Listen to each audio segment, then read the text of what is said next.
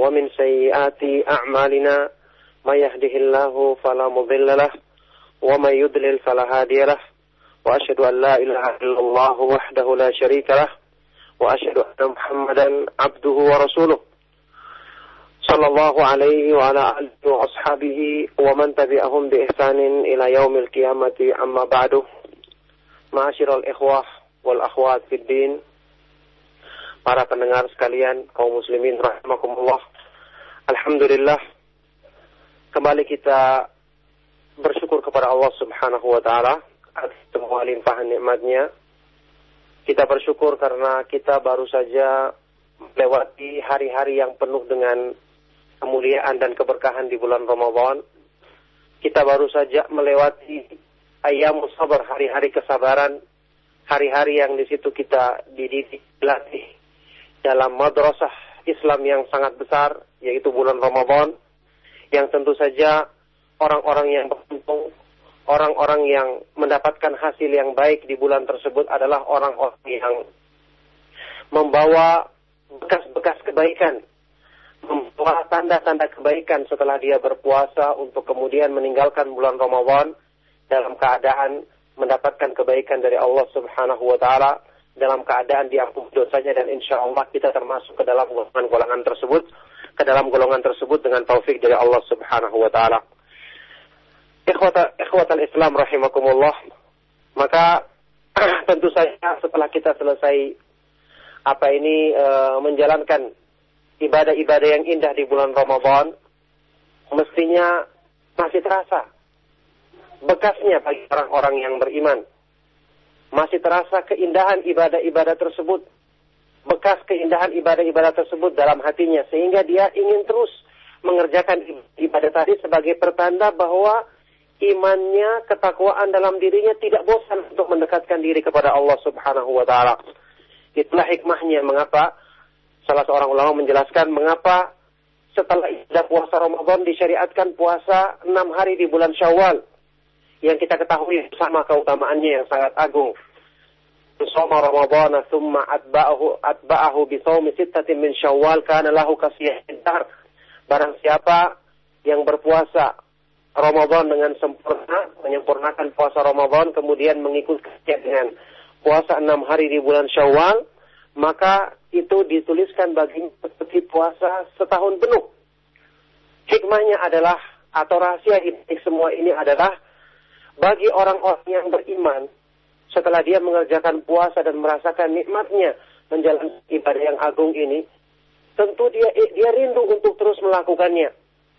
Maka Allah mensyariatkan puasa di bulan Syawal untuk memuaskan dahaganya orang-orang yang beriman yang ingin terus melaksanakan ibadah puasa maka mereka-mereka yang imannya terbukti benar, tanda ke, apa ini pertanda benarnya keimanan seorang adalah ketika dia bersemangat melaksanakan puasa di bulan Syawal ini maupun puasa-puasa sunnah selanjutnya sebagai bukti bahwa dia tidak merasa jenuh beribadah kepada Allah. Sebagai pertanda bahwa dia tidak merasa bosan untuk terus mendekatkan diri kepada Allah Subhanahu wa taala sebagai bukti bahwa jiwanya, keimanannya, hatinya merasakan ketenangan ketenangan ketika mendekatkan diri kepada Allah. Ala bidzikrillah tatmainnul qulub. Ketahuilah dengan berzikir kepada Allah, dengan menyebut nama Allah, maka hati orang yang beriman akan tenang. Inilah tanda dan inilah hikmah disyariatkannya puasa yang agung ini. Maka oleh karena itu, ini sekedar peringat sebelum kita mulai kajian Asmaul Husna ya. Sekedar mengingatkan bahwa Alhamdulillah kita keluar dari bulan Ramadan yang kita rasakan manfaatnya ibadah-ibadah yang tadinya berat, alhamdulillah kita biasakan ternyata menjadi nikmat. Maka tentu saja tidak kita ingin hilang bekas-bekasnya tersebut setelah berakhirnya bulan Ramadan. Kita masih hidup. Kita masih menginginkan rahmat Allah. Kita bukan cuma butuh rahmat Allah di bulan Ramadan saja. Tidak seperti bagian orang yang hanya semangat di bulan Ramadan kemudian berakhir Ramadan maka berakhir pula ibadahnya. Ini adalah orang-orang yang ibadah tidak membekas dalam hati orang-orang yang melaksanakan ibadah cuma terpaksa sehingga setelah selesai Ramadan seolah-olah bebannya selesai. Ramadan seolah-olah merupakan pekerjaan berat yang harus dilaksanakannya, maka setelah selesai maka seolah-olah dia beristirahat. Jelas ini bukan sifatnya orang-orang yang beriman. Kita tahu bersama Para ulama salaf sangat mencela orang-orang yang demikian. Salah seorang di antara mereka mengatakan, Bi'sal kaum la ya'rifuna Allah illa fi Ramadan. Mereka adalah orang-orang yang buruk karena mereka tidak mengenal Allah kecuali di bulan Ramadan saja. Maka kita tetap membutuhkan rahmat Allah, membutuhkan kasih sampai di akhir hayat kita. Harusnya apa yang telah terbiasa kita lakukan di bulan Ramadan, kita jaga untuk kita bawa terus-menerus dalam kehidupan kita. Karena tetapi amalan soleh sudah kita ketahui adalah sebab termasuk sebab utama untuk istiqomah. Menetapi amalan-amalan ketaatan, amalan-amalan sunnah, puasa, membaca Al-Quran, berzikir kepada Allah, sholat-sholat sunnah, apalagi sholat malam, ini adalah sebab besar untuk memudahkan kita istiqomah di atas iman ketika menghadap Allah Subhanahu wa taala nantinya. Sebagaimana Imam Al-Qatada Ibnu Di'amah Sadusi, imam yang terkenal dan ahli hadis yang terkenal dari kalangan tabi'in sewaktu menafsirkan firman Allah Subhanahu wa taala, "Yuthabbitullahu alladhina amanu bil qawli tsabit fil hayati dunya wa fil akhirah." Allah akan meneguhkan hatinya orang-orang yang beriman dengan ucapan yang teguh dalam kehidupan di dunia dan di akhirat. Dengan ucapan yang kokoh beliau mengatakan amal hayat dunia amma fil hayati dunia fayuthabbituhumullahu bil khairi bil amali soleh adapun dalam kehidupan di dunia maka Allah akan meneguh orang yang beriman dengan kebaikan dan amalan soleh yang ditetapinya. Oleh karena itu kalaupun setelah Ramadan amal-amal besar yang kita lakukan tidak bisa sebanyak waktu Ramadan karena semangat kita jelas beda. Minimal ada bekasnya meskipun sedikit. Sabda Nabi Shallallahu Alaihi Wasallam yang terkenal, "Ahabul a'mali ilallahi adwamuhu adwamuha wa in qalla." Amal yang paling disukai oleh Allah Subhanahu wa taala adalah yang paling kontinu dilakukan, yang paling terus-menerus dilakukan meskipun sedikit. Maka setelah di bulan Ramadan kita terbiasa melaksanakan qiyamul lail, salat malam, salat tarawih, 11 rakaat atau lebih misalnya 11 rakaat maka setelah selesai minimal kita pertahankan salat witir kita. Kalau tidak mampu 11 rakaat maka 3 rakaat atau bahkan mungkin satu rakaat. Minimal bacaan Al-Quran jangan sampai kita luputkan dalam keseharian kita. Berzikir kepada Allah subhanahu wa ta'ala dan banyak kebaikan-kebaikan yang lainnya inilah tanda orang-orang yang apa ini insya Allah puasa Ramadannya berhasil. Orang-orang yang lulus dalam madrasah Ramadan yang mendapat keutamaan besar dari Allah Subhanahu wa taala di bulan yang mulia. Inilah orang-orang yang telah teruji keimanannya insya Allah untuk dia merasakan kemanisan iman dengan tanda dia tidak merasa jenuh dan bosan untuk selalu beribadah dan meningkatkan diri kepada Allah Subhanahu wa taala Semoga Allah Subhanahu wa taala mudah-mudahan kita termasuk ke dalam golongan orang-orang yang mendapatkan rahmat dan karunia-Nya serta kedudukan-kedudukan yang mulia dalam agamanya dan kebaikan-kebaikan dalam hal yang berhubungan dengan keimanan dan ketakwaan katanya. Ma'asyiral ikhwa fiddin rahimakumullah. Kita akan memasuki lanjutan kajian kita membahas kita fikih al-asmaul asmaul husna membahas tentang nama dan sifat-sifat Allah serta faedah-faedah agung yang dikandung padanya. Alhamdulillah sudah beberapa contoh dari nama-nama yang kita sebutkan yang tentu saja saya berharap karena buku ini atau penjelasan ini saya tidak urutkan ya secara berurutan dari awal sampai akhir. Saya menyebutkan beberapa contoh saja. Saya berharap kita bisa masing-masing kita bisa menyempurnakannya, melanjutkannya dengan dasar yang sudah kami jelaskan kita kembangkan sendiri, kita baca sendiri, karena tentu saja konsekuensi orang yang beriman dan ingin menyempurnakan imannya, apalagi dalam bab ilmu yang sangat agung, ilmu tentang nama-nama dan sifat-sifat Allah Subhanahu wa taala, akan terus menuntut untuk dia sempurna dalam memahami ilmu yang agung ini. Jiwanya akan terus mendorong dia untuk benar-benar meminta atau menuntut dia agar terus mempelajari hal ini. Tidak cukup cuma dengan mendengarkan kajian sekali atau dua kali. Dia harus berusaha membaca. Dia harus berusaha bertanya jika ada kesulitan atau masalah yang belum difahaminya. Dia harus berusaha untuk benar-benar menghilangkan dahaga dalam dirinya. Karena dahaga yang terbesar dalam hati manusia, apa ini kekosongan jiwa yang paling besar dalam diri manusia adalah kalau dia tidak mengenal Allah Subhanahu wa taala. Maka ini adalah tuntutan jiwa yang paling besar Bagaimana mungkin seseorang bisa hidup tenang, bisa bahagia dalam kehidupannya. Sumber kebahagiaan yang paling utama ini belum diselesaikannya, belum dituntaskan untuk difahami dalam dirinya, belum disempurnakan ilmu pengetahuan tentang masalah ini dalam dalam hatinya. Oleh karena itu mestinya orang yang sudah mengenal kesamaan ilmu ini telah diberikan petunjuk oleh Allah untuk bisa memahaminya, maka dia mesti akan mencari. Jiwanya mesti akan menuntutnya karena tidak akan tidak ada ketenangan yang hakiki di hati manusia. Tidak ada kebahagiaan yang sejati bagi diri manusia kalau dia tidak mengenal secara sempurna, secara baik pemahaman tentang ilmu nama-nama dan sifat Allah Subhanahu wa taala yang merupakan ilmu yang paling agung dalam dalam Islam ini. Nah, maka oleh karena itu, alhamdulillah pada kesempatan pagi hari ini kita akan membahas lagi satu nama Allah Subhanahu wa taala yang disebutkan dalam ayat-ayat Al-Qur'an maupun hadis-hadis Nabi sallallahu alaihi wasallam yaitu nama Allah Subhanahu wa taala Al-Haq Al-Mubin Al-Haq dan namanya Al-Mubin. Al-Haq artinya yang maha benar yang maha hak. Al-Mubin artinya yang maha menjelaskan. Yang maha menjelaskan. Yang maha jelas urusannya yang maha menjelaskan kepada hamba-hambanya. Al-Haq Al-Mubin.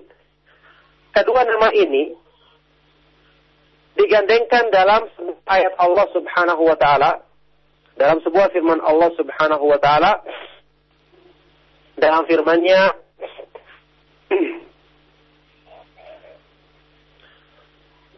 Allah Subhanahu wa taala berfirman uh, dalam firman dalam dalam, dalam Al-Qur'an Allah Subhanahu wa taala berfirman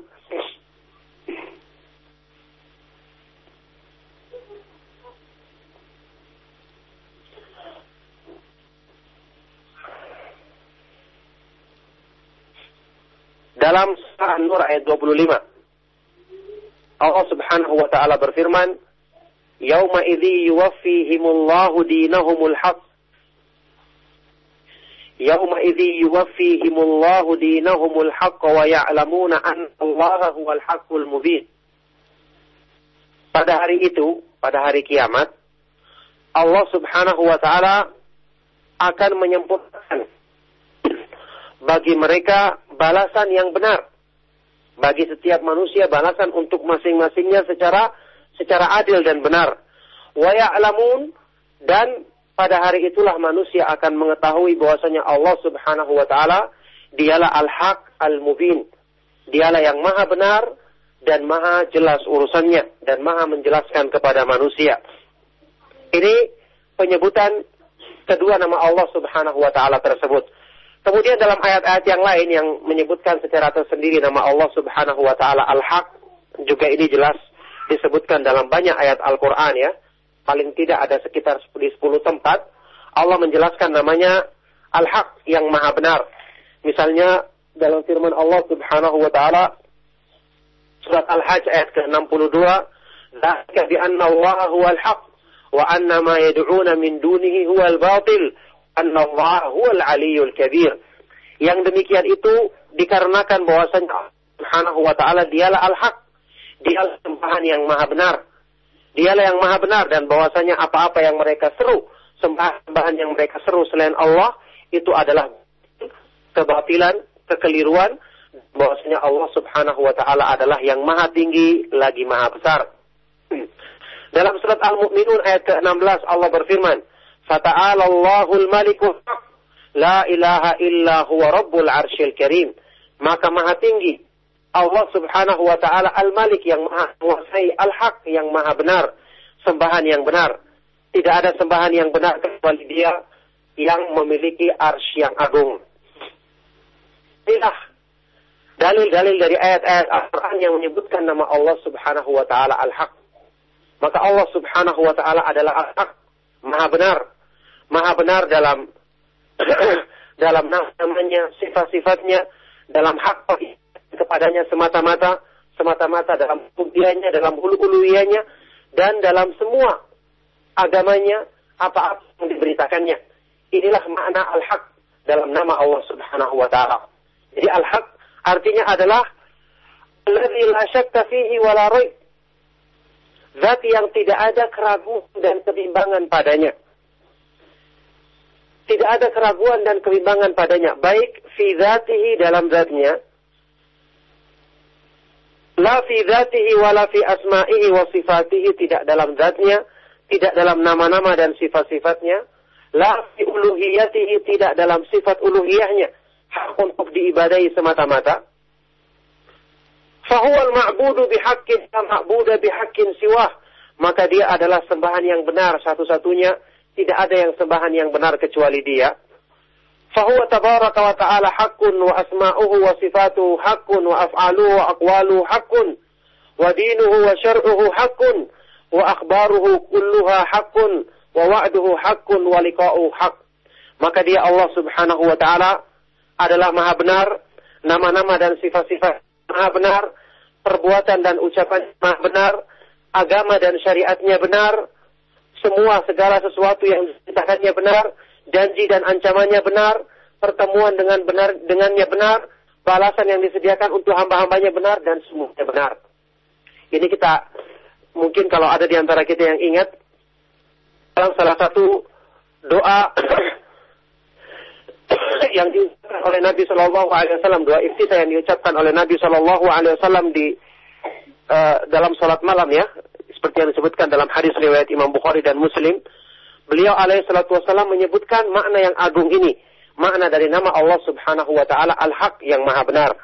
Yaitu doanya Nabi sallallahu alaihi wasallam dalam hadisnya Ibnu Abbas radhiyallahu taala anhuma, "Kana Nabi sallallahu alaihi wasallam idza qama min al-lail yatahajjad qala" Rasulullah SAW kalau bangun salat malam untuk melakukan salat tahajud, beliau mengucapkan dalam doa iftitah. Allahumma lakal hamdu anta qayyimus samawati wal ardi wa man fihinna. Wa lakal hamdu lakal mulkus mulkus samawati wal ardi wa man fihinna.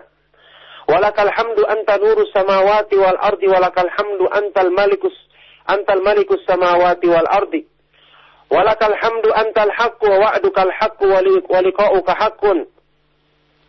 Wa qauluka haqqun wal jannatu haqqun wan naru haqqun wan nabiyyuna haqqun wa Muhammadun sallallahu alaihi wasallam haqqun was sa'atu haqqun. Allahumma laka aslamtu wa bika amantu wa alayka tawakkaltu wa ilayka anabtu wa bika khasamtu wa ilayka hakamtu. Faghfir li ma qaddamtu wa ma akhartu wa ma asrartu wa ma a'lantu wa antal wa antal la ilaha illa. Ya Allah, engkau bagimu bagimunya bagimulah segala pujian. Engkaulah yang menegakkan langit-langit dan bumi dan makhluk yang ada di antaranya. Bagimulah segala pujian engkaulah yang memiliki langit-langit dan bumi dan makhluk yang ada di antara engkaulah bagimulah segala pujian. Engkaulah cahaya langit-langit dan bumi. Dan bagimulah segala pujian engkaulah yang menguasai langit dan bumi Engkau bagimulah segala pujian, engkau adalah al-haq yang maha benar, janjimu benar, perjumpaan denganmu maha benar, ucapanmu benar, sorga itu benar, neraka itu benar, para nabi itu benar, Nabi Muhammad Wasallam benar, hari kiamat itu benar. Ya Allah, kepada mula aku bersendiri, dengan mula aku beriman, dan kepada mula aku bersandar bertawakal, dan kepada aku mengembalikan diriku, dan dengan mula aku memusuhi dan kepadamu lah aku berhukum, maka ampuni dosa-dosaku yang lalu dan yang akan datang dan apa yang aku sembunyikan maupun aku tampakkan engkaulah yang apa ini al-muqaddim engkaulah yang memajukan dan mengakhirkan tidak ada sembahan yang benar kecuali engkau. Ini makna yang disebutkan dalam doa ini yang menunjukkan Nabi Shallallahu Alaihi Wasallam menetapkan makna yang agung dari nama Allah Subhanahu Wa Taala Al-Haq ini. Nah oleh karena itulah Allah Subhanahu wa taala syariatnya apalagi tauhidnya adalah kebenaran yang paling utama. Adalah kebenaran yang paling besar kedudukannya dalam agama. Tidak ada satu dakwah pun yang bisa dinilai sebagai al-haq, dakwah yang benar, kalau tidak bersandar kepada tauhid. Tidak dimulai dengan mengenalkan kewajiban beribadah kepada Allah Subhanahu wa taala tidak akan dikatakan sebagai dakwah yang hak kalau tidak memprioritaskan upaya untuk mengenal keindahan nama Allah dan kesempurnaan sifat-sifatnya. Karena ini adalah kebenaran yang paling besar, kebenaran yang paling agung. Kemudian masalah yang berhubungan dengan keimanan-keimanan yang lainnya. Ini merupakan perkara-perkara akidah, merupakan kebenaran yang harusnya dijadikan patokan dalam menilai baik tidaknya sebuah dakwah yang disampaikan oleh oleh manusia. Ini nama Allah Subhanahu wa taala Al-Haq. Kemudian nama Allah Subhanahu wa taala Al-Mubin karena ini digandengkan ya kedua nama tersebut dan maknanya juga berhubung. Al-Mubin secara bahasa artinya adalah yang menjelaskan. Maka nama Allah Al-Mubin artinya adalah Al-Mubayyinu li'ibadihi sabila rasyad. Lahumul a'mal salihata allati yanaluna biha sawab. Wal a'mal sayyi'ata allati yanaluna alaiha al-iqab. Artinya adalah yang menjelaskan kepada hamba-hambanya jalan petunjuk. Menjelaskan dengan gamblang amal-amal kebaikan untuk meraih keutamaan dan pahala darinya. Serta menjelaskan dengan gamblang amal-amal keburukan untuk dengan itu hambanya eh, seseorang bisa mendapatkan siksaan untuk dijauhinya. Allah menjelaskan segala sesuatu dalam agamanya. Allah subhanahu wa ta'ala berfirman dalam Al-Quran, yuridullahu liyubayyin lakum wa yahdiyakum sunanal ladzina min qablikum wa yatuba alaikum wallahu alimun hakim. Allah Subhanahu wa taala ingin untuk menjelaskan dan memberikan hidayah kepada kalian jalan kebaikan yang ditempuh oleh orang-orang sebelummu dan ingin apa ini memberikan pengampunan untuk kalian dan Allah Subhanahu wa taala Maha mengetahui lagi Maha Maha memiliki hikmah, Maha bijaksana. Makna dari nama Allah Al-Mubin termasuk juga sebagian dari para ulama mengartikan Al-Mubin itu adalah Al-Bayyinu amruhu fil wahdani. Yang jelas perkaranya dalam kemahaesaannya dalam tauhidnya dalam segala sesuatu yang berhubungan dengan apa ini penghambaan diri kepada Allah Subhanahu wa taala semata-mata. Oleh karena itulah yang namanya agama Islam itu tidak ada sesuatu pun yang samar. Apalagi dalam hal yang berhubungan dengan akidah. Yang merupakan sebab utama yang akan menerangi jiwa manusia untuk dia bisa menempuh perjalanan hidupnya dengan dengan tenang, dengan terbimbing selalu oleh petunjuk Allah Subhanahu wa taala. Orang yang ingin hidupnya selalu terbimbing dalam cahaya, maka dia adalah orang yang paling banyak mengisi hidupnya dengan memahami petunjuk Allah Subhanahu wa taala. Mengenal tauhidnya. Maka di sinilah perlu kita perhatikan kalau ada kebimbangan, ada ketidakjelasan dalam diri kita, berarti itu menunjukkan ada sebagian dari hati kita yang masih tertutupi dengan kegelapan yang perlu segera kita cerahkan dengan pemahaman agama. Mengenal tauhid, mengenal nama-nama dan sifat-sifat Allah Subhanahu wa taala. Makanya dalam Al-Quran sudah kita ketahui, uh, petunjuk Allah disifati seperti sebagai nur.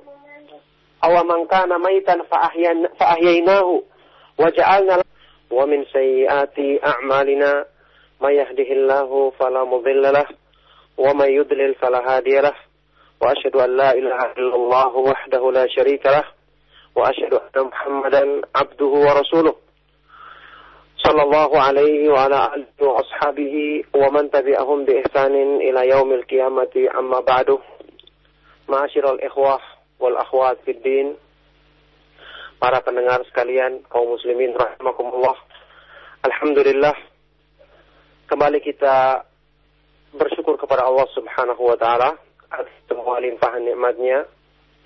Kita bersyukur karena kita baru saja wa min sayyiati a'malina may yahdihillahu fala mudhillalah wa may yudlil fala hadiyalah wa asyhadu an la ilaha illallah wahdahu la syarikalah wa asyhadu anna muhammadan abduhu wa rasuluh.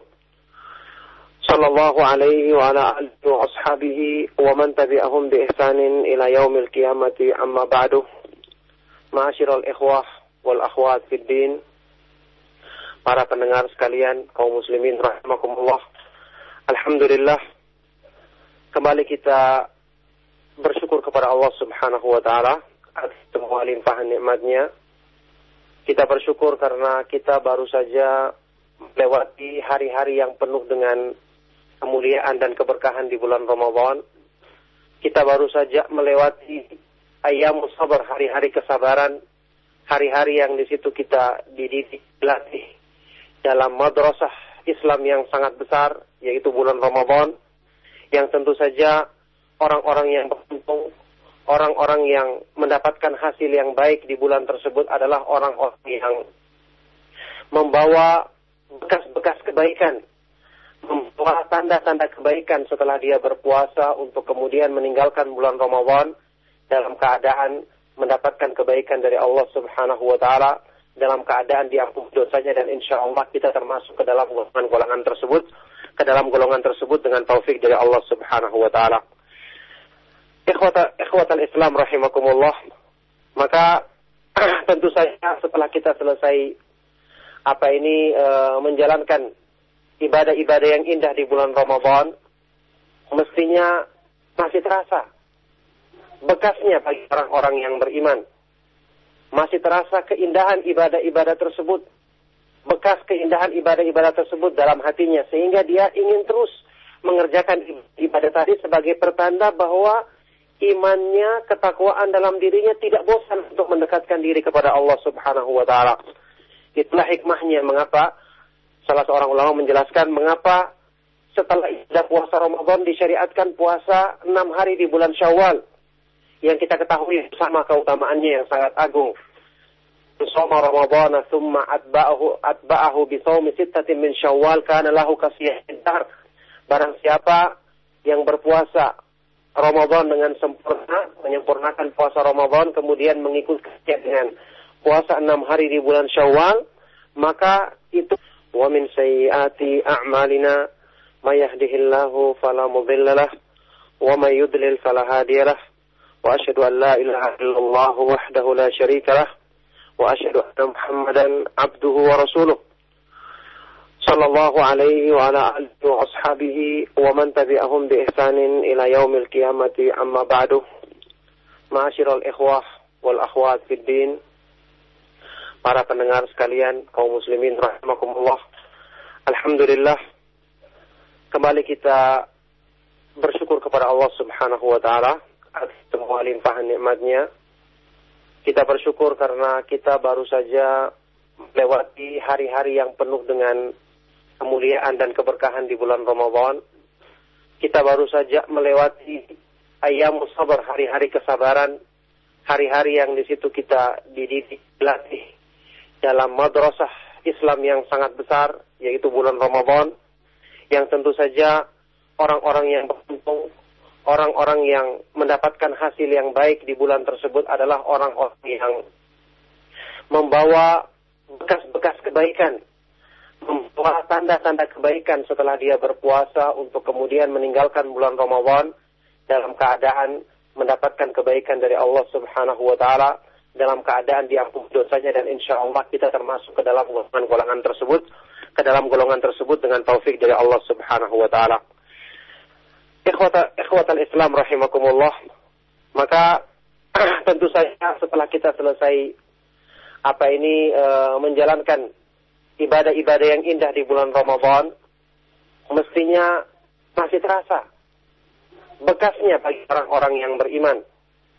Masih terasa keindahan ibadah-ibadah tersebut, bekas keindahan ibadah-ibadah tersebut dalam hatinya sehingga dia ingin terus mengerjakan ibadah tadi sebagai pertanda bahwa imannya, ketakwaan dalam dirinya tidak bosan untuk mendekatkan diri kepada Allah Subhanahu wa taala.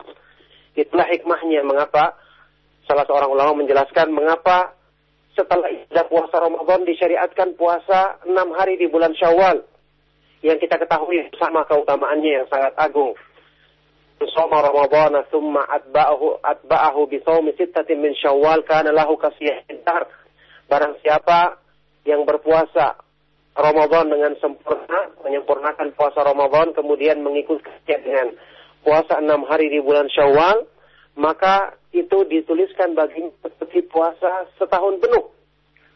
Hikmahnya adalah, atau rahasia hidup semua ini adalah, bagi orang-orang yang beriman, setelah dia mengerjakan puasa dan merasakan nikmatnya menjalankan ibadah yang agung ini, tentu dia dia rindu untuk terus melakukannya maka Allah mensyariatkan puasa di bulan Syawal untuk memuaskan dahaganya orang-orang yang beriman yang ingin terus melaksanakan ibadah puasa.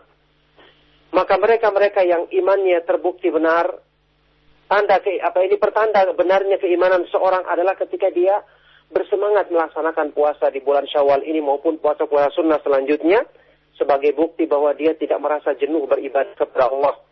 Sebagai pertanda bahwa dia tidak merasa bosan untuk terus mendekatkan diri kepada Allah Subhanahu wa taala sebagai bukti bahwa jiwanya, keimanannya, hatinya merasakan ketenangan dan ketenangan ketika mendekatkan diri kepada Allah. Ala bidzikrillah tatmainnul qulub. Ketahuilah dengan berzikir kepada Allah, dengan menyebut nama Allah maka hati orang yang beriman akan tenang. Inilah tanda dan inilah hikmah disyariatkannya puasa yang agung ini. Maka oleh karena itu ini sekedar peringat sebelum kita mulai kajian Asmaul Husna ya. Sekedar mengingatkan bahwa Alhamdulillah kita keluar dari bulan Ramadan yang kita rasakan manfaatnya ibadah-ibadah yang tadinya berat Alhamdulillah kita biasakan ternyata menjadi nikmat maka tentu saja tidak kita ingin hilang bekas-bekasnya tersebut setelah berakhirnya bulan Ramadan. Kita masih hidup, kita masih menginginkan rahmat Allah. Kita bukan cuma butuh rahmat Allah di bulan Ramadan saja. Tidak seperti bagian orang yang hanya semangat di bulan Ramadan kemudian berakhir Ramadan maka berakhir pula ibadahnya.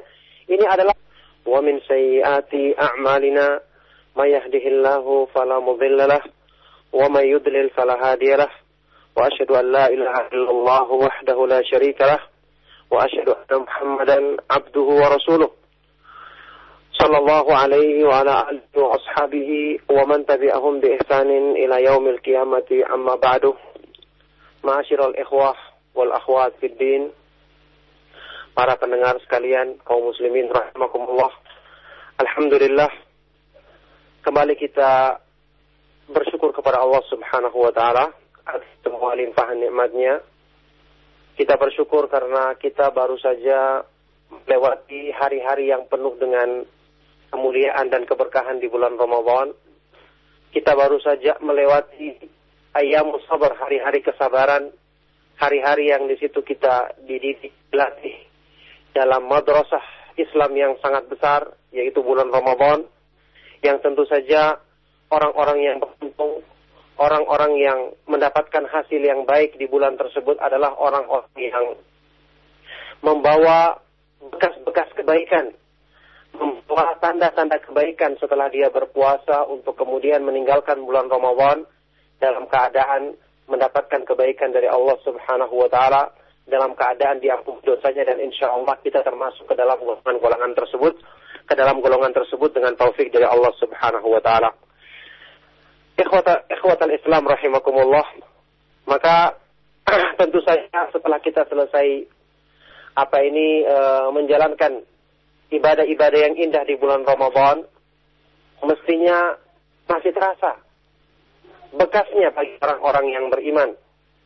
Masih terasa keindahan ibadah-ibadah tersebut, bekas keindahan ibadah-ibadah tersebut dalam hatinya sehingga dia ingin terus mengerjakan ibadah tadi sebagai pertanda bahwa imannya, ketakwaan dalam dirinya tidak bosan untuk mendekatkan diri kepada Allah Subhanahu wa taala. Itulah hikmahnya mengapa salah seorang ulama menjelaskan mengapa setelah ibadah puasa Ramadan disyariatkan puasa enam hari di bulan Syawal yang kita ketahui sama keutamaannya yang sangat agung. Soma Ramadan thumma atba'ahu atba'ahu bi shaumi sittatin min Syawal kana lahu kasiyah Barang siapa yang berpuasa Ramadan dengan sempurna, menyempurnakan puasa Ramadan, kemudian mengikutinya dengan puasa enam hari di bulan Syawal, maka itu dituliskan baginya seperti puasa setahun penuh. Hikmahnya adalah, atau rahasia ini semua ini adalah, bagi orang-orang yang beriman, setelah dia mengerjakan puasa dan merasakan nikmatnya menjalankan ibadah yang agung ini, tentu dia dia rindu untuk terus melakukannya. Maka Allah mensyariatkan puasa di bulan Syawal untuk memuaskan dahaganya orang-orang yang beriman yang ingin terus melaksanakan ibadah puasa. Maka mereka-mereka yang imannya terbukti benar, tanda ke, apa ini pertanda benarnya keimanan seorang adalah ketika dia bersemangat melaksanakan puasa di bulan Syawal ini maupun puasa-puasa sunnah selanjutnya sebagai bukti bahwa dia tidak merasa jenuh beribadah kepada Allah. Sebagai pertanda bahwa dia tidak merasa bosan untuk terus mendekatkan diri kepada Allah Subhanahu wa taala sebagai bukti bahwa jiwanya, keimanannya, hatinya merasakan ketenangan ketenangan ketika mendekatkan diri kepada Allah. Ala bidzikrillah tatmainnul qulub. Ketahuilah dengan berzikir kepada Allah, dengan menyebut nama Allah maka hati orang yang beriman akan tenang. Inilah tanda dan inilah hikmah disyariatkannya puasa yang agung ini. Maka oleh karena itu ini sekedar peringat sebelum kita mulai kajian Asmaul Husna ya. Sekedar mengingatkan bahwa alhamdulillah kita keluar dari bulan Ramadan yang kita rasakan manfaatnya ibadah-ibadah yang tadinya berat alhamdulillah kita biasakan ternyata menjadi nikmat maka tentu saja tidak kita ingin hilang bekas-bekasnya tersebut setelah berakhirnya bulan Ramadan. Wa min sayyiati a'malina may yahdihillahu fala mudhillalah wa may yudlil min sayyiati a'malina may yahdihillahu fala mudhillalah wa may yudlil fala hadiyalah wa asyhadu an la ilaha illallah wahdahu la syarika lah wa asyhadu anna Muhammadan abduhu wa rasuluh صلى الله عليه وعلى آله وأصحابه ومن تبعهم بإحسان إلى يوم القيامة أما بعد معاشر الإخوة والأخوات في الدين para pendengar sekalian kaum muslimin rahimakumullah Alhamdulillah kembali kita bersyukur kepada Allah Subhanahu wa taala atas semua limpahan nikmatnya kita bersyukur karena kita baru saja melewati hari-hari yang penuh dengan kemuliaan dan keberkahan di bulan Ramadan.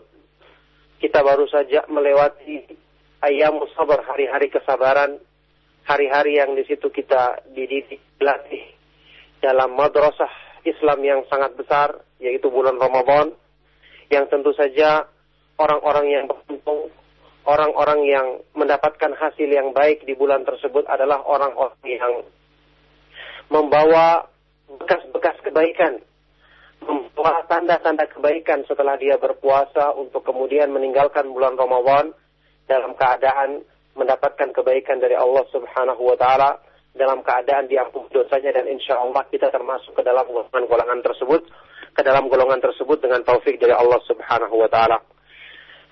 Ikhwata Islam rahimakumullah. Maka tentu saja setelah kita selesai apa ini uh, menjalankan ibadah-ibadah yang indah di bulan Ramadan mestinya masih terasa bekasnya bagi orang-orang yang beriman.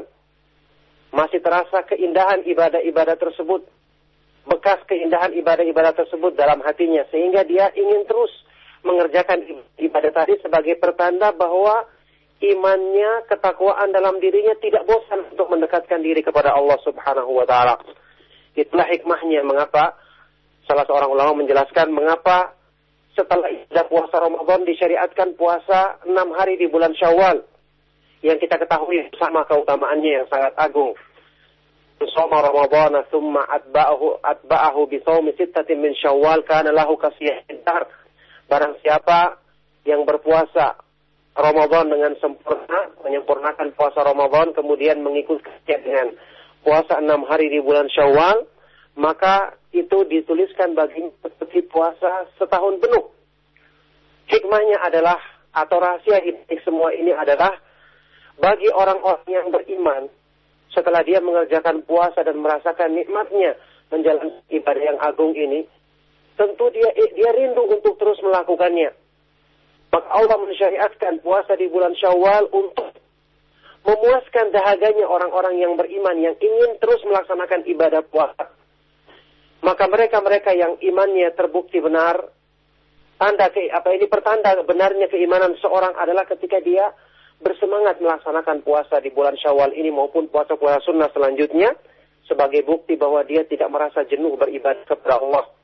Sebagai pertanda bahwa dia tidak merasa bosan untuk terus mendekatkan diri kepada Allah Subhanahu wa taala sebagai bukti bahwa jiwanya, keimanannya, hatinya merasakan ketenangan dan ketenangan ketika mendekatkan diri kepada Allah. Ala bidzikrillah tatmainnul qulub. Ketahuilah dengan berzikir kepada Allah, dengan menyebut nama Allah maka hati orang yang beriman akan tenang. Inilah tanda dan inilah hikmah disyariatkannya puasa yang agung ini. Maka oleh karena itu ini sekedar peringat sebelum kita mulai kajian Asmaul Husna ya. Sekedar mengingatkan bahwa alhamdulillah kita keluar dari bulan Ramadan yang kita rasakan manfaatnya, ibadah-ibadah yang tadinya berat, alhamdulillah kita biasakan ternyata menjadi nikmat. Maka tentu saja tidak kita ingin hilang bekas-bekasnya tersebut setelah berakhirnya bulan Ramadan. Kita masih hidup, kita masih menginginkan rahmat Allah. Kita bukan cuma butuh rahmat Allah di bulan Ramadan saja. Tidak seperti sebagian orang yang hanya semangat di bulan Ramadan kemudian berakhir Ramadan maka berakhir pula ibadahnya. Ini adalah orang-orang yang ibadah tidak membekas dalam hati. Orang-orang yang melaksanakan ibadah cuma terpaksa sehingga setelah selesai Ramadan seolah-olah bebannya selesai. Ramadan seolah-olah merupakan pekerjaan berat yang harus dilaksanakannya, maka setelah selesai maka seolah-olah dia beristirahat. Jelas ini bukan sifatnya orang-orang yang beriman. Kita tahu bersama para ulama salaf sangat mencela orang-orang yang demikian. Salah seorang di antara mereka mengatakan bi'sal qaum La ya'rifuna Allah illa fi Ramadan. Mereka adalah orang-orang yang buruk karena mereka tidak mengenal Allah kecuali di bulan Ramadan saja. Maka kita tetap membutuhkan rahmat Allah, membutuhkan kasih sayangnya sampai di akhir hayat kita. Harusnya apa yang telah terbiasa kita lakukan di bulan Ramadan, kita jaga untuk kita bawa terus-menerus dalam kehidupan kita. Karena tetapi amalan soleh sudah kita ketahui adalah sebab termasuk sebab utama untuk istiqomah menetapi amalan-amalan ketaatan, amalan-amalan sunnah, puasa, membaca Al-Quran, berzikir kepada Allah, sholat-sholat sunnah, apalagi sholat malam, ini adalah sebab besar untuk memudahkan kita istiqomah di atas iman ketika menghadap Allah Subhanahu wa taala nantinya. Sebagaimana Imam Al-Qatada Ibnu Di'amah Sadusi, Imam ahli yang terkenal dan ahli hadis yang terkenal dari kalangan tabi'in sewaktu menafsirkan firman Allah Subhanahu wa taala yuthabbitu Allahu alladhina amanu bil qawli thabit fil hayati dunya wa fil akhirah. Allah akan meneguhkan hatinya orang-orang yang beriman dengan ucapan yang teguh dalam kehidupan di dunia dan di akhirat. Dengan ucapan yang kokoh, beliau mengatakan, Ammal hayat dunia, amma fil hayati dunia, fayuthabbituhumullahu bil khairi bil amali soleh. Adapun dalam kehidupan di dunia, maka Allah akan meneguh orang yang beriman dengan kebaikan dan amalan soleh yang ditetapinya. Oleh karena itu, kalaupun setelah Ramadan, amal-amal besar yang kita lakukan tidak bisa sebanyak waktu Ramadan, karena semangat kita jelas beda, minimal ada bekasnya meskipun sedikit. Sabda Nabi Shallallahu Alaihi Wasallam yang terkenal, ahabul a'mali ilallahi adwamuhu adwamuha wa in Amal yang paling disukai oleh Allah Subhanahu Wa Taala adalah yang paling kontinu dilakukan, yang paling terus-menerus dilakukan meskipun sedikit. Maka setelah di bulan Ramadan kita terbiasa melaksanakan qiyamul lail, salat malam, salat tarawih, 11 rakaat atau lebih misalnya, 11 rakaat, maka setelah selesai minimal kita pertahankan salat witir kita. Kalau tidak mampu 11 rakaat, maka 3 rakaat. Atau bahkan mungkin satu rakaat. Minimal bacaan Al-Quran jangan sampai kita luputkan dalam keseharian kita. Berzikir kepada Allah subhanahu wa ta'ala dan banyak kebaikan-kebaikan yang lainnya. Inilah orang-orang yang apa ini insya Allah puasa Ramadannya berhasil. Orang-orang yang lulus dalam madrasah Ramadan. Yang mendapat keutamaan besar dari Allah subhanahu wa ta'ala di bulan yang mulia. Inilah orang-orang yang telah teruji keimanannya insya Allah untuk dia merasakan kemanisan iman dengan tanda dia tidak merasa jenuh dan bosan untuk selalu beribadah dan meningkatkan diri kepada Allah Subhanahu wa taala. Semoga Allah Subhanahu wa taala mudah-mudahan kita termasuk ke dalam golongan orang-orang yang mendapatkan rahmat dan karunia-Nya serta kedudukan-kedudukan yang mulia dalam agamanya dan kebaikan-kebaikan dalam hal yang berhubungan dengan keimanan dan ketakwaan katanya. Ma'asyiral ikhwa fiddin rahimakumullah. Kita akan memasuki lanjutan kajian kita membahas kita fikih al-asmaul asmaul husna membahas tentang nama dan sifat-sifat Allah serta faedah-faedah agung yang dikandung padanya. Alhamdulillah sudah beberapa contoh dari nama-nama yang kita sebutkan yang tentu saja saya berharap karena buku ini atau penjelasan ini saya tidak urutkan ya secara berurutan dari awal sampai akhir saya menyebutkan beberapa contoh saja. Saya berharap kita bisa masing-masing kita bisa menyempurnakannya, melanjutkannya dengan dasar yang sudah kami jelaskan. Kita kembangkan sendiri, kita baca sendiri, karena tentu saja konsekuensi orang yang beriman dan ingin menyempurnakan imannya, apalagi dalam bab ilmu yang sangat agung, ilmu tentang nama-nama dan sifat-sifat Allah Subhanahu wa taala, akan terus menuntut untuk dia sempurna dalam memahami ilmu yang agung ini. Jiwanya akan terus mendorong dia untuk benar-benar meminta atau menuntut dia agar terus mempelajari hal ini. Tidak cukup cuma dengan mendengarkan kajian sekali atau dua kali. Dia harus berusaha membaca. Dia harus berusaha bertanya jika ada kesulitan atau masalah yang belum difahaminya. Dia harus berusaha untuk benar-benar menghilangkan dahaga dalam dirinya. Karena dahaga yang terbesar dalam hati manusia, apa ini kekosongan jiwa yang paling besar dalam diri manusia adalah kalau dia tidak mengenal Allah Subhanahu wa taala. Maka ini adalah tuntutan jiwa yang paling besar Bagaimana mungkin seseorang bisa hidup tenang, bisa bahagia dalam kehidupannya? Sumber kebahagiaan yang paling utama ini belum diselesaikannya, belum dituntaskan untuk difahami dalam dirinya, belum disempurnakan ilmu pengetahuan tentang masalah ini dalam dalam hatinya. Oleh karena itu mestinya orang yang sudah mengenal kesamaan ilmu ini telah diberikan petunjuk oleh Allah untuk bisa memahaminya, maka dia mesti akan mencari. Jiwanya mesti akan menuntutnya karena tidak akan tidak ada ketenangan yang hakiki di hati manusia.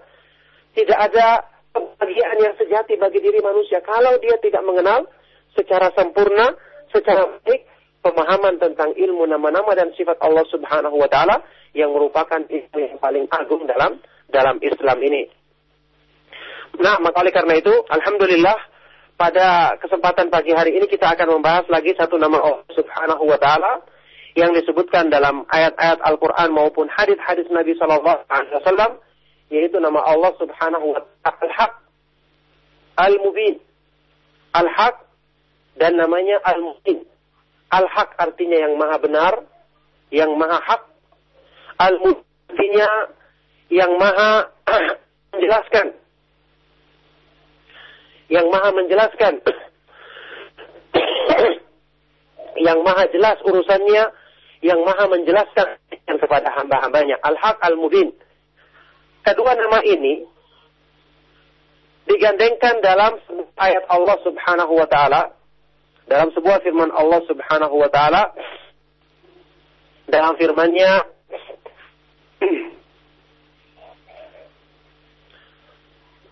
Allah Subhanahu wa taala berfirman uh, dalam firman dalam dalam, dalam Al-Qur'an Allah Subhanahu wa taala berfirman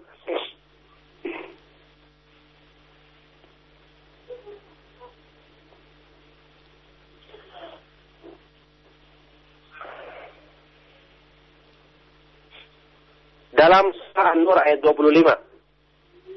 Allah Subhanahu wa taala berfirman, "Yauma idzi yuwaffihimullahu dinahumul haqq." Yauma idzi yuwaffihimullahu dinahumul haqq wa ya'lamuna anna Allah huwal haqqul mubin.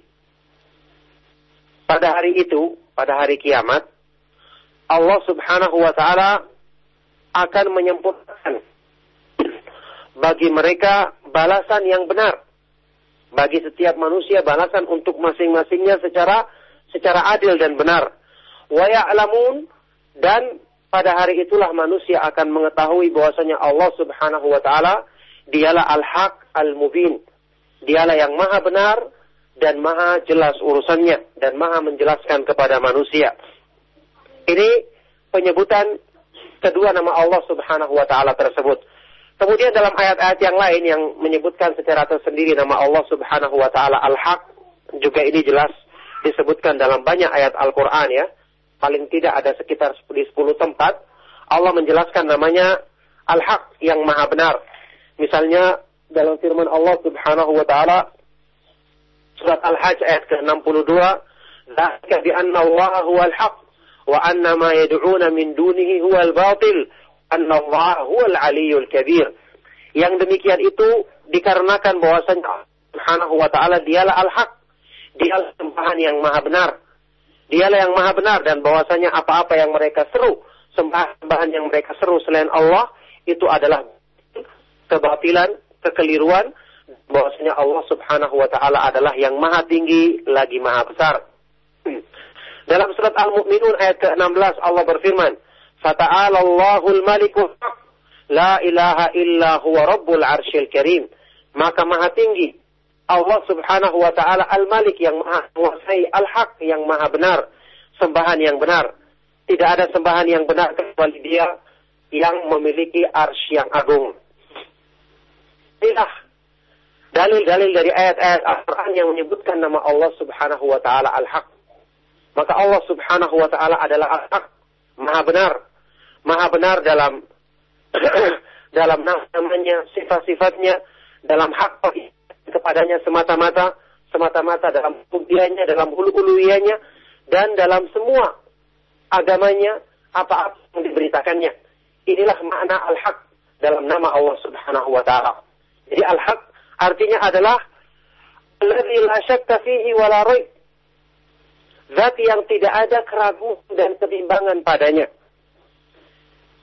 Tidak ada keraguan dan kebimbangan padanya, baik fi dzatihi dalam zatnya, la fi dzatihi wala fi asma'ihi wa sifatihi tidak dalam zatnya, tidak dalam nama-nama dan sifat-sifatnya, la fi uluhiyatihi tidak dalam sifat uluhiyahnya, hak untuk diibadahi semata-mata. Fahuwal ma'budu bihaqqin la ma'buda bihaqqin siwah. Maka dia adalah sembahan yang benar satu-satunya tidak ada yang sembahan yang benar kecuali dia. Fahuwa tabaraka wa ta'ala haqqun wa asma'uhu wa sifatuhu haqqun wa af'aluhu wa aqwaluhu haqqun wa dinuhu wa syar'uhu haqqun wa akhbaruhu kulluha haqqun wa wa'duhu haqqun wa liqa'uhu haqq. Maka dia Allah Subhanahu wa taala adalah maha benar, nama-nama dan sifat-sifat maha benar, perbuatan dan ucapan benar, agama dan syariatnya benar, semua segala sesuatu yang diceritakannya benar, janji dan ancamannya benar, pertemuan dengan benar dengannya benar, balasan yang disediakan untuk hamba-hambanya benar dan semuanya benar. Ini kita mungkin kalau ada di antara kita yang ingat dalam salah satu doa yang diucapkan oleh Nabi Shallallahu Alaihi Wasallam doa iftitah yang diucapkan oleh Nabi Shallallahu Alaihi Wasallam di uh, dalam sholat malam ya seperti yang disebutkan dalam hadis riwayat Imam Bukhari dan Muslim, beliau alaihi wasallam menyebutkan makna yang agung ini, makna dari nama Allah Subhanahu wa taala Al-Haq yang Maha benar. Yaitu doanya Nabi sallallahu alaihi wasallam dalam hadisnya Ibnu Abbas radhiyallahu taala anhuma, "Kana Nabi sallallahu alaihi wasallam idza qama min al-lail yatahajjad qala" Rasulullah SAW kalau bangun salat malam untuk melakukan salat tahajud, beliau mengucapkan dalam doa iftitah.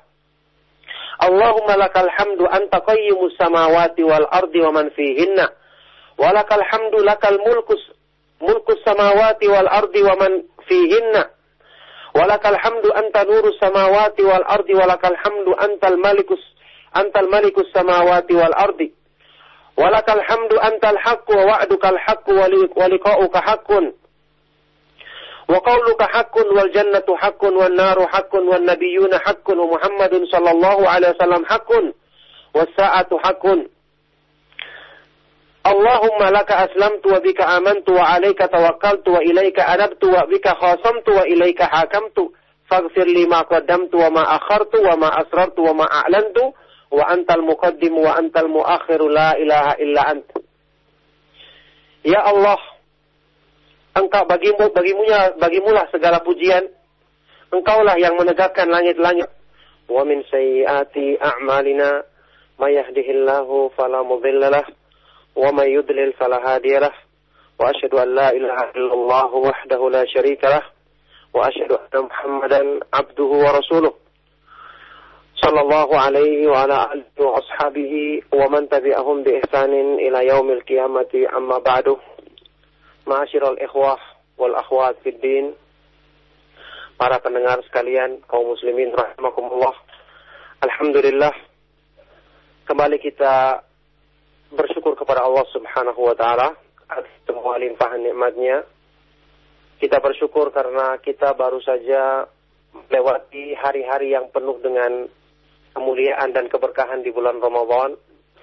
Kita baru saja melewati ayam sabar, hari-hari kesabaran, hari-hari yang di situ kita dididik, dilatih dalam madrasah Islam yang sangat besar, yaitu bulan Ramadan, yang tentu saja orang-orang yang beruntung, orang-orang yang mendapatkan hasil yang baik di bulan tersebut adalah orang-orang yang membawa bekas-bekas kebaikan, membawa tanda-tanda kebaikan setelah dia berpuasa untuk kemudian meninggalkan bulan Ramadan dalam keadaan mendapatkan kebaikan dari Allah Subhanahu wa taala dalam keadaan diampuni dosanya dan insya Allah kita termasuk ke dalam golongan-golongan tersebut ke dalam golongan tersebut dengan taufik dari Allah Subhanahu wa taala. Ikhwata Islam rahimakumullah. Maka tentu saja setelah kita selesai apa ini e, menjalankan ibadah-ibadah yang indah di bulan Ramadan, mestinya masih terasa bekasnya bagi orang-orang yang beriman. Masih terasa keindahan ibadah-ibadah tersebut, bekas keindahan ibadah-ibadah tersebut dalam hatinya, sehingga dia ingin terus mengerjakan ibadah tadi sebagai pertanda bahwa imannya, ketakwaan dalam dirinya tidak bosan untuk mendekatkan diri kepada Allah Subhanahu wa taala. Itulah hikmahnya mengapa salah seorang ulama menjelaskan mengapa setelah ibadah puasa Ramadan disyariatkan puasa enam hari di bulan Syawal yang kita ketahui sama keutamaannya yang sangat agung. Soma Ramadan thumma atba'ahu atba'ahu bi sittatin min Syawal kana lahu kasiyah Barang siapa yang berpuasa Ramadan dengan sempurna, menyempurnakan puasa Ramadan, kemudian mengikutinya dengan puasa enam hari di bulan Syawal, maka itu dituliskan baginya seperti puasa setahun penuh. Hikmahnya adalah, atau rahasia semua ini adalah, bagi orang-orang yang beriman, setelah dia mengerjakan puasa dan merasakan nikmatnya menjalankan ibadah yang agung ini, tentu dia dia rindu untuk terus melakukannya. Maka Allah mensyariatkan puasa di bulan Syawal untuk memuaskan dahaganya orang-orang yang beriman yang ingin terus melaksanakan ibadah puasa. Maka mereka-mereka yang imannya terbukti benar, tanda ke, apa ini pertanda benarnya keimanan seorang adalah ketika dia bersemangat melaksanakan puasa di bulan Syawal ini maupun puasa-puasa sunnah selanjutnya sebagai bukti bahwa dia tidak merasa jenuh beribadah kepada Allah. Sebagai pertanda bahwa dia tidak merasa bosan untuk terus mendekatkan diri kepada Allah Subhanahu wa taala sebagai bukti bahwa jiwanya, keimanannya, hatinya merasakan ketenangan, ketenangan ketika mendekatkan diri kepada Allah. Ala dzikrillah tatmainnul qulub. Ketahuilah dengan berzikir kepada Allah, dengan menyebut nama Allah maka hati orang yang beriman akan tenang. Inilah tanda dan inilah hikmah disyariatkannya puasa yang agung ini. Maka oleh karena itu, ini sekedar peringat sebelum kita mulai kajian Asmaul Husna ya. Sekedar mengingatkan bahwa Alhamdulillah kita keluar dari bulan Ramadan yang kita rasakan manfaatnya, ibadah-ibadah yang tadinya berat, Alhamdulillah kita biasakan ternyata menjadi nikmat. Maka tentu saja tidak kita ingin hilang bekas-bekasnya tersebut setelah berakhirnya bulan Ramadan. Kita masih hidup, kita masih menginginkan rahmat Allah kita bukan cuma butuh rahmat Allah di bulan Ramadan saja.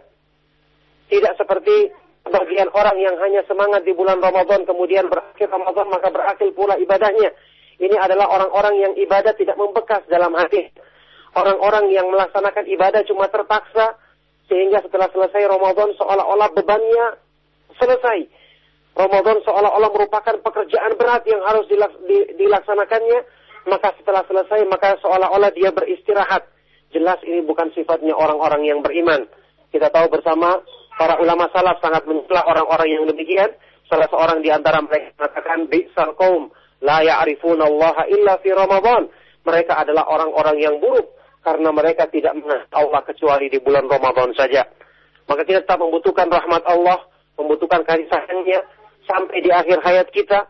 Harusnya apa yang telah terbiasa kita lakukan di bulan Ramadan, kita jaga, untuk kita bawa terus-menerus dalam kehidupan kita karena tetapi amalan soleh sudah kita ketahui adalah sebab termasuk sebab utama untuk istiqomah menetapi amalan-amalan ketaatan, amalan-amalan sunnah, puasa, membaca Al-Quran, berzikir kepada Allah, sholat-sholat sunnah, apalagi sholat malam, ini adalah sebab besar untuk memudahkan kita istiqomah di atas iman ketika menghadap Allah Subhanahu wa taala nantinya. Sebagaimana Imam Al-Qatada Ibnu Di'amah Sadusi Imam yang terkenal dan ahli hadis yang terkenal dari kalangan tabi'in sewaktu menafsirkan firman Allah Subhanahu wa taala yuthabbitullahu alladhina amanu bil qawli tsabit fil hayati dunia wa fil akhirah Allah akan meneguhkan hatinya orang-orang yang beriman dengan ucapan yang teguh dalam kehidupan di dunia dan di akhirat. Dengan ucapan yang kokoh beliau mengatakan amal hayat dunia amma fil hayati dunia fayuthabbituhumullahu bil khairi bil amali soleh adapun dalam kehidupan di dunia maka Allah akan meneguh orang yang beriman dengan kebaikan dan amalan soleh yang ditetapinya oleh karena itu kalaupun setelah Ramadan amal-amal besar yang kita lakukan tidak bisa sebanyak waktu Ramadan karena semangat kita jelas beda. Minimal ada bekasnya meskipun sedikit. Sabda Nabi Wasallam yang terkenal, ahabul a'mali adwamuhu adwamuha wa in. Amal yang paling disukai oleh Allah Subhanahu wa taala adalah yang paling kontinu dilakukan, yang paling terus-menerus dilakukan meskipun sedikit.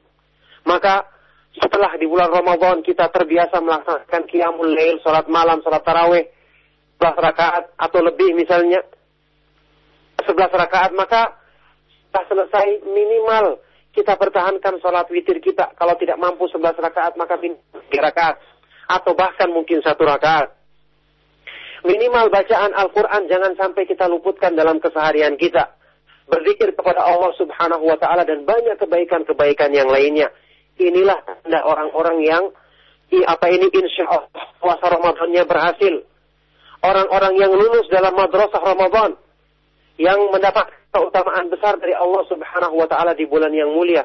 Inilah orang-orang yang telah teruji keimanannya insya Allah untuk dia merasakan kemanisan iman dengan tanda dia tidak merasa jenuh dan bosan untuk selalu beribadah dan meningkatkan diri kepada Allah Subhanahu wa taala Semoga Allah Subhanahu wa taala mudah-mudahan kita termasuk ke dalam golongan orang-orang yang mendapatkan rahmat dan karunia-Nya serta kedudukan-kedudukan yang mulia dalam agamanya dan kebaikan-kebaikan dalam hal yang berhubungan dengan keimanan dan ketakwaan katanya. Ma'asyiral ikhwa fiddin rahimakumullah. Kita akan memasuki lanjutan kajian kita membahas kita fikih al-asmaul asmaul husna membahas tentang nama dan sifat-sifat Allah serta faedah-faedah agung yang dikandung padanya.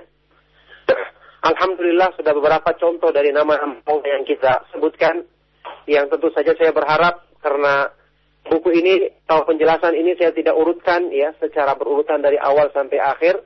Saya menyebutkan beberapa contoh saja. Saya berharap kita bisa masing-masing kita bisa menyempurnakannya, melanjutkannya dengan dasar yang sudah kami jelaskan kita kembangkan sendiri, kita baca sendiri, karena tentu saja konsekuensi orang yang beriman dan ingin menyempurnakan imannya, apalagi dalam bab ilmu yang sangat agung, ilmu tentang nama-nama dan sifat-sifat Allah Subhanahu wa taala, akan terus menuntut untuk dia sempurna dalam memahami ilmu yang agung ini.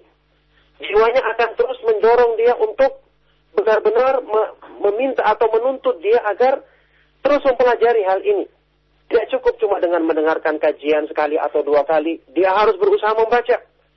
Dia harus berusaha bertanya jika ada kesulitan atau masalah yang belum difahaminya. Dia harus berusaha untuk benar-benar menghilangkan dahaga dalam dirinya. Karena dahaga yang terbesar dalam hati manusia, apa ini kekosongan jiwa yang paling besar dalam diri manusia adalah kalau dia tidak mengenal Allah Subhanahu wa taala. Maka ini adalah tuntutan jiwa yang paling besar Bagaimana mungkin seseorang bisa hidup tenang, bisa bahagia dalam kehidupannya? Sumber kebahagiaan yang paling utama ini belum diselesaikannya, belum dituntaskan untuk difahami dalam dirinya, belum disempurnakan ilmu pengetahuan tentang masalah ini dalam dalam hatinya. Oleh karena itu mestinya orang yang sudah mengenal kesamaan ilmu ini telah diberikan petunjuk oleh Allah untuk bisa memahaminya, maka dia mesti akan mencari. Jiwanya mesti akan menuntutnya karena tidak akan tidak ada ketenangan yang hakiki di hati manusia. Tidak ada kebahagiaan yang sejati bagi diri manusia kalau dia tidak mengenal secara sempurna, secara baik pemahaman tentang ilmu nama-nama dan sifat Allah Subhanahu wa taala yang merupakan ilmu yang paling agung dalam dalam Islam ini. Nah, maka oleh karena itu, alhamdulillah pada kesempatan pagi hari ini kita akan membahas lagi satu nama Allah Subhanahu wa taala yang disebutkan dalam ayat-ayat Al-Quran maupun hadis-hadis Nabi Sallallahu Alaihi Wasallam, yaitu nama Allah Subhanahu wa Taala Al-Haq, Al-Mubin, Al-Haq dan namanya Al-Mubin. Al-Haq artinya yang maha benar, yang maha hak. Al-Mubin artinya yang maha menjelaskan. Yang maha menjelaskan. yang maha jelas urusannya, yang maha menjelaskan kepada hamba-hambanya. Al-Haq Al-Mubin. Kedua nama ini digandengkan dalam ayat Allah Subhanahu wa taala dalam sebuah firman Allah Subhanahu wa taala dalam firman-Nya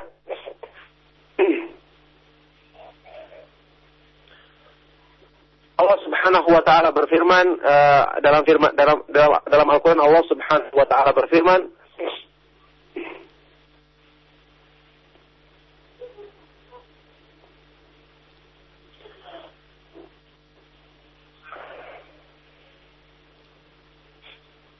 dalam surah An-Nur ayat 25. Allah Subhanahu wa taala berfirman, "Yauma idzi yuwaffihimullahu dinahumul haqq." Yauma idzi yuwaffihimullahu dinahumul haqq wa ya'lamuna anna Allah huwal haqqul mubin.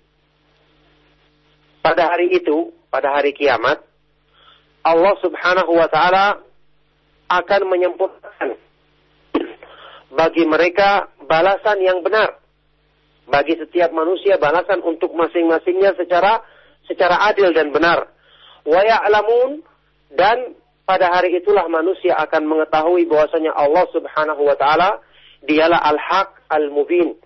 Dialah yang maha benar dan maha jelas urusannya dan maha menjelaskan kepada manusia. Ini penyebutan kedua nama Allah Subhanahu wa taala tersebut. Kemudian dalam ayat-ayat yang lain yang menyebutkan secara tersendiri nama Allah Subhanahu wa taala Al-Haq juga ini jelas disebutkan dalam banyak ayat Al-Qur'an ya. Paling tidak ada sekitar di 10 tempat Allah menjelaskan namanya Al-Haq yang Maha benar. Misalnya dalam firman Allah Subhanahu wa taala surat Al-Hajj ayat ke-62, "Dzalika bi anna Allah huwal haq wa anna ma yad'una min dunihi huwal batil." Anna Allah huwal aliyul kabir. Yang demikian itu dikarenakan bahwasanya Subhanahu wa taala dialah al-haq. Dialah sembahan yang maha benar. Dialah yang maha benar dan bahwasanya apa-apa yang mereka seru, sembahan yang mereka seru selain Allah itu adalah kebatilan, kekeliruan bahwasanya Allah Subhanahu wa taala adalah yang maha tinggi lagi maha besar. Dalam surat Al-Mu'minun ayat ke-16 Allah berfirman, Fata'ala Allahul Malikul La ilaha illa huwa Rabbul Arshil Karim. Maka maha tinggi Allah subhanahu wa ta'ala al-malik yang maha menguasai al-haq yang maha benar. Sembahan yang benar. Tidak ada sembahan yang benar kecuali dia yang memiliki arsy yang agung. Inilah dalil-dalil dari ayat-ayat Al-Quran yang menyebutkan nama Allah subhanahu wa ta'ala al-haq. Maka Allah subhanahu wa ta'ala adalah al-haq. Maha benar maha benar dalam dalam namanya, sifat-sifatnya, dalam hak kepadanya semata-mata, semata-mata dalam kubiannya, dalam ulu-uluianya, dan dalam semua agamanya, apa-apa yang diberitakannya. Inilah makna al-haq dalam nama Allah subhanahu wa ta'ala. Jadi al-haq artinya adalah Alladhi la syakka fihi wa la Zat yang tidak ada keraguan dan kebimbangan padanya tidak ada keraguan dan kebimbangan padanya, baik fi dalam zatnya, la fi dzatihi wala fi asma'ihi wa sifatihi. Tidak dalam zatnya, tidak dalam nama-nama dan sifat-sifatnya, la fi uluhiyatihi. Tidak dalam sifat uluhiyahnya, hak untuk diibadahi semata-mata. Fahuwal ma'budu bihaqqin ma'buda bihaqqin siwah. Maka dia adalah sembahan yang benar satu-satunya tidak ada yang sembahan yang benar kecuali dia. Fahuwa tabaraka wa ta'ala haqqun wa asma'uhu wa sifatuhu haqqun wa af'aluhu wa aqwaluhu haqqun wa dinuhu wa syar'uhu haqqun wa akhbaruhu kulluha haqqun wa wa'duhu haqqun wa liqa'uhu haqq. Maka dia Allah Subhanahu wa taala adalah Maha benar, nama-nama dan sifat-sifat Maha benar, perbuatan dan ucapan Maha benar, agama dan syariatnya benar, semua segala sesuatu yang diceritakannya benar, janji dan ancamannya benar, pertemuan dengan benar dengannya benar, balasan yang disediakan untuk hamba-hambanya benar dan semuanya benar. Ini kita mungkin kalau ada di antara kita yang ingat dalam salah satu doa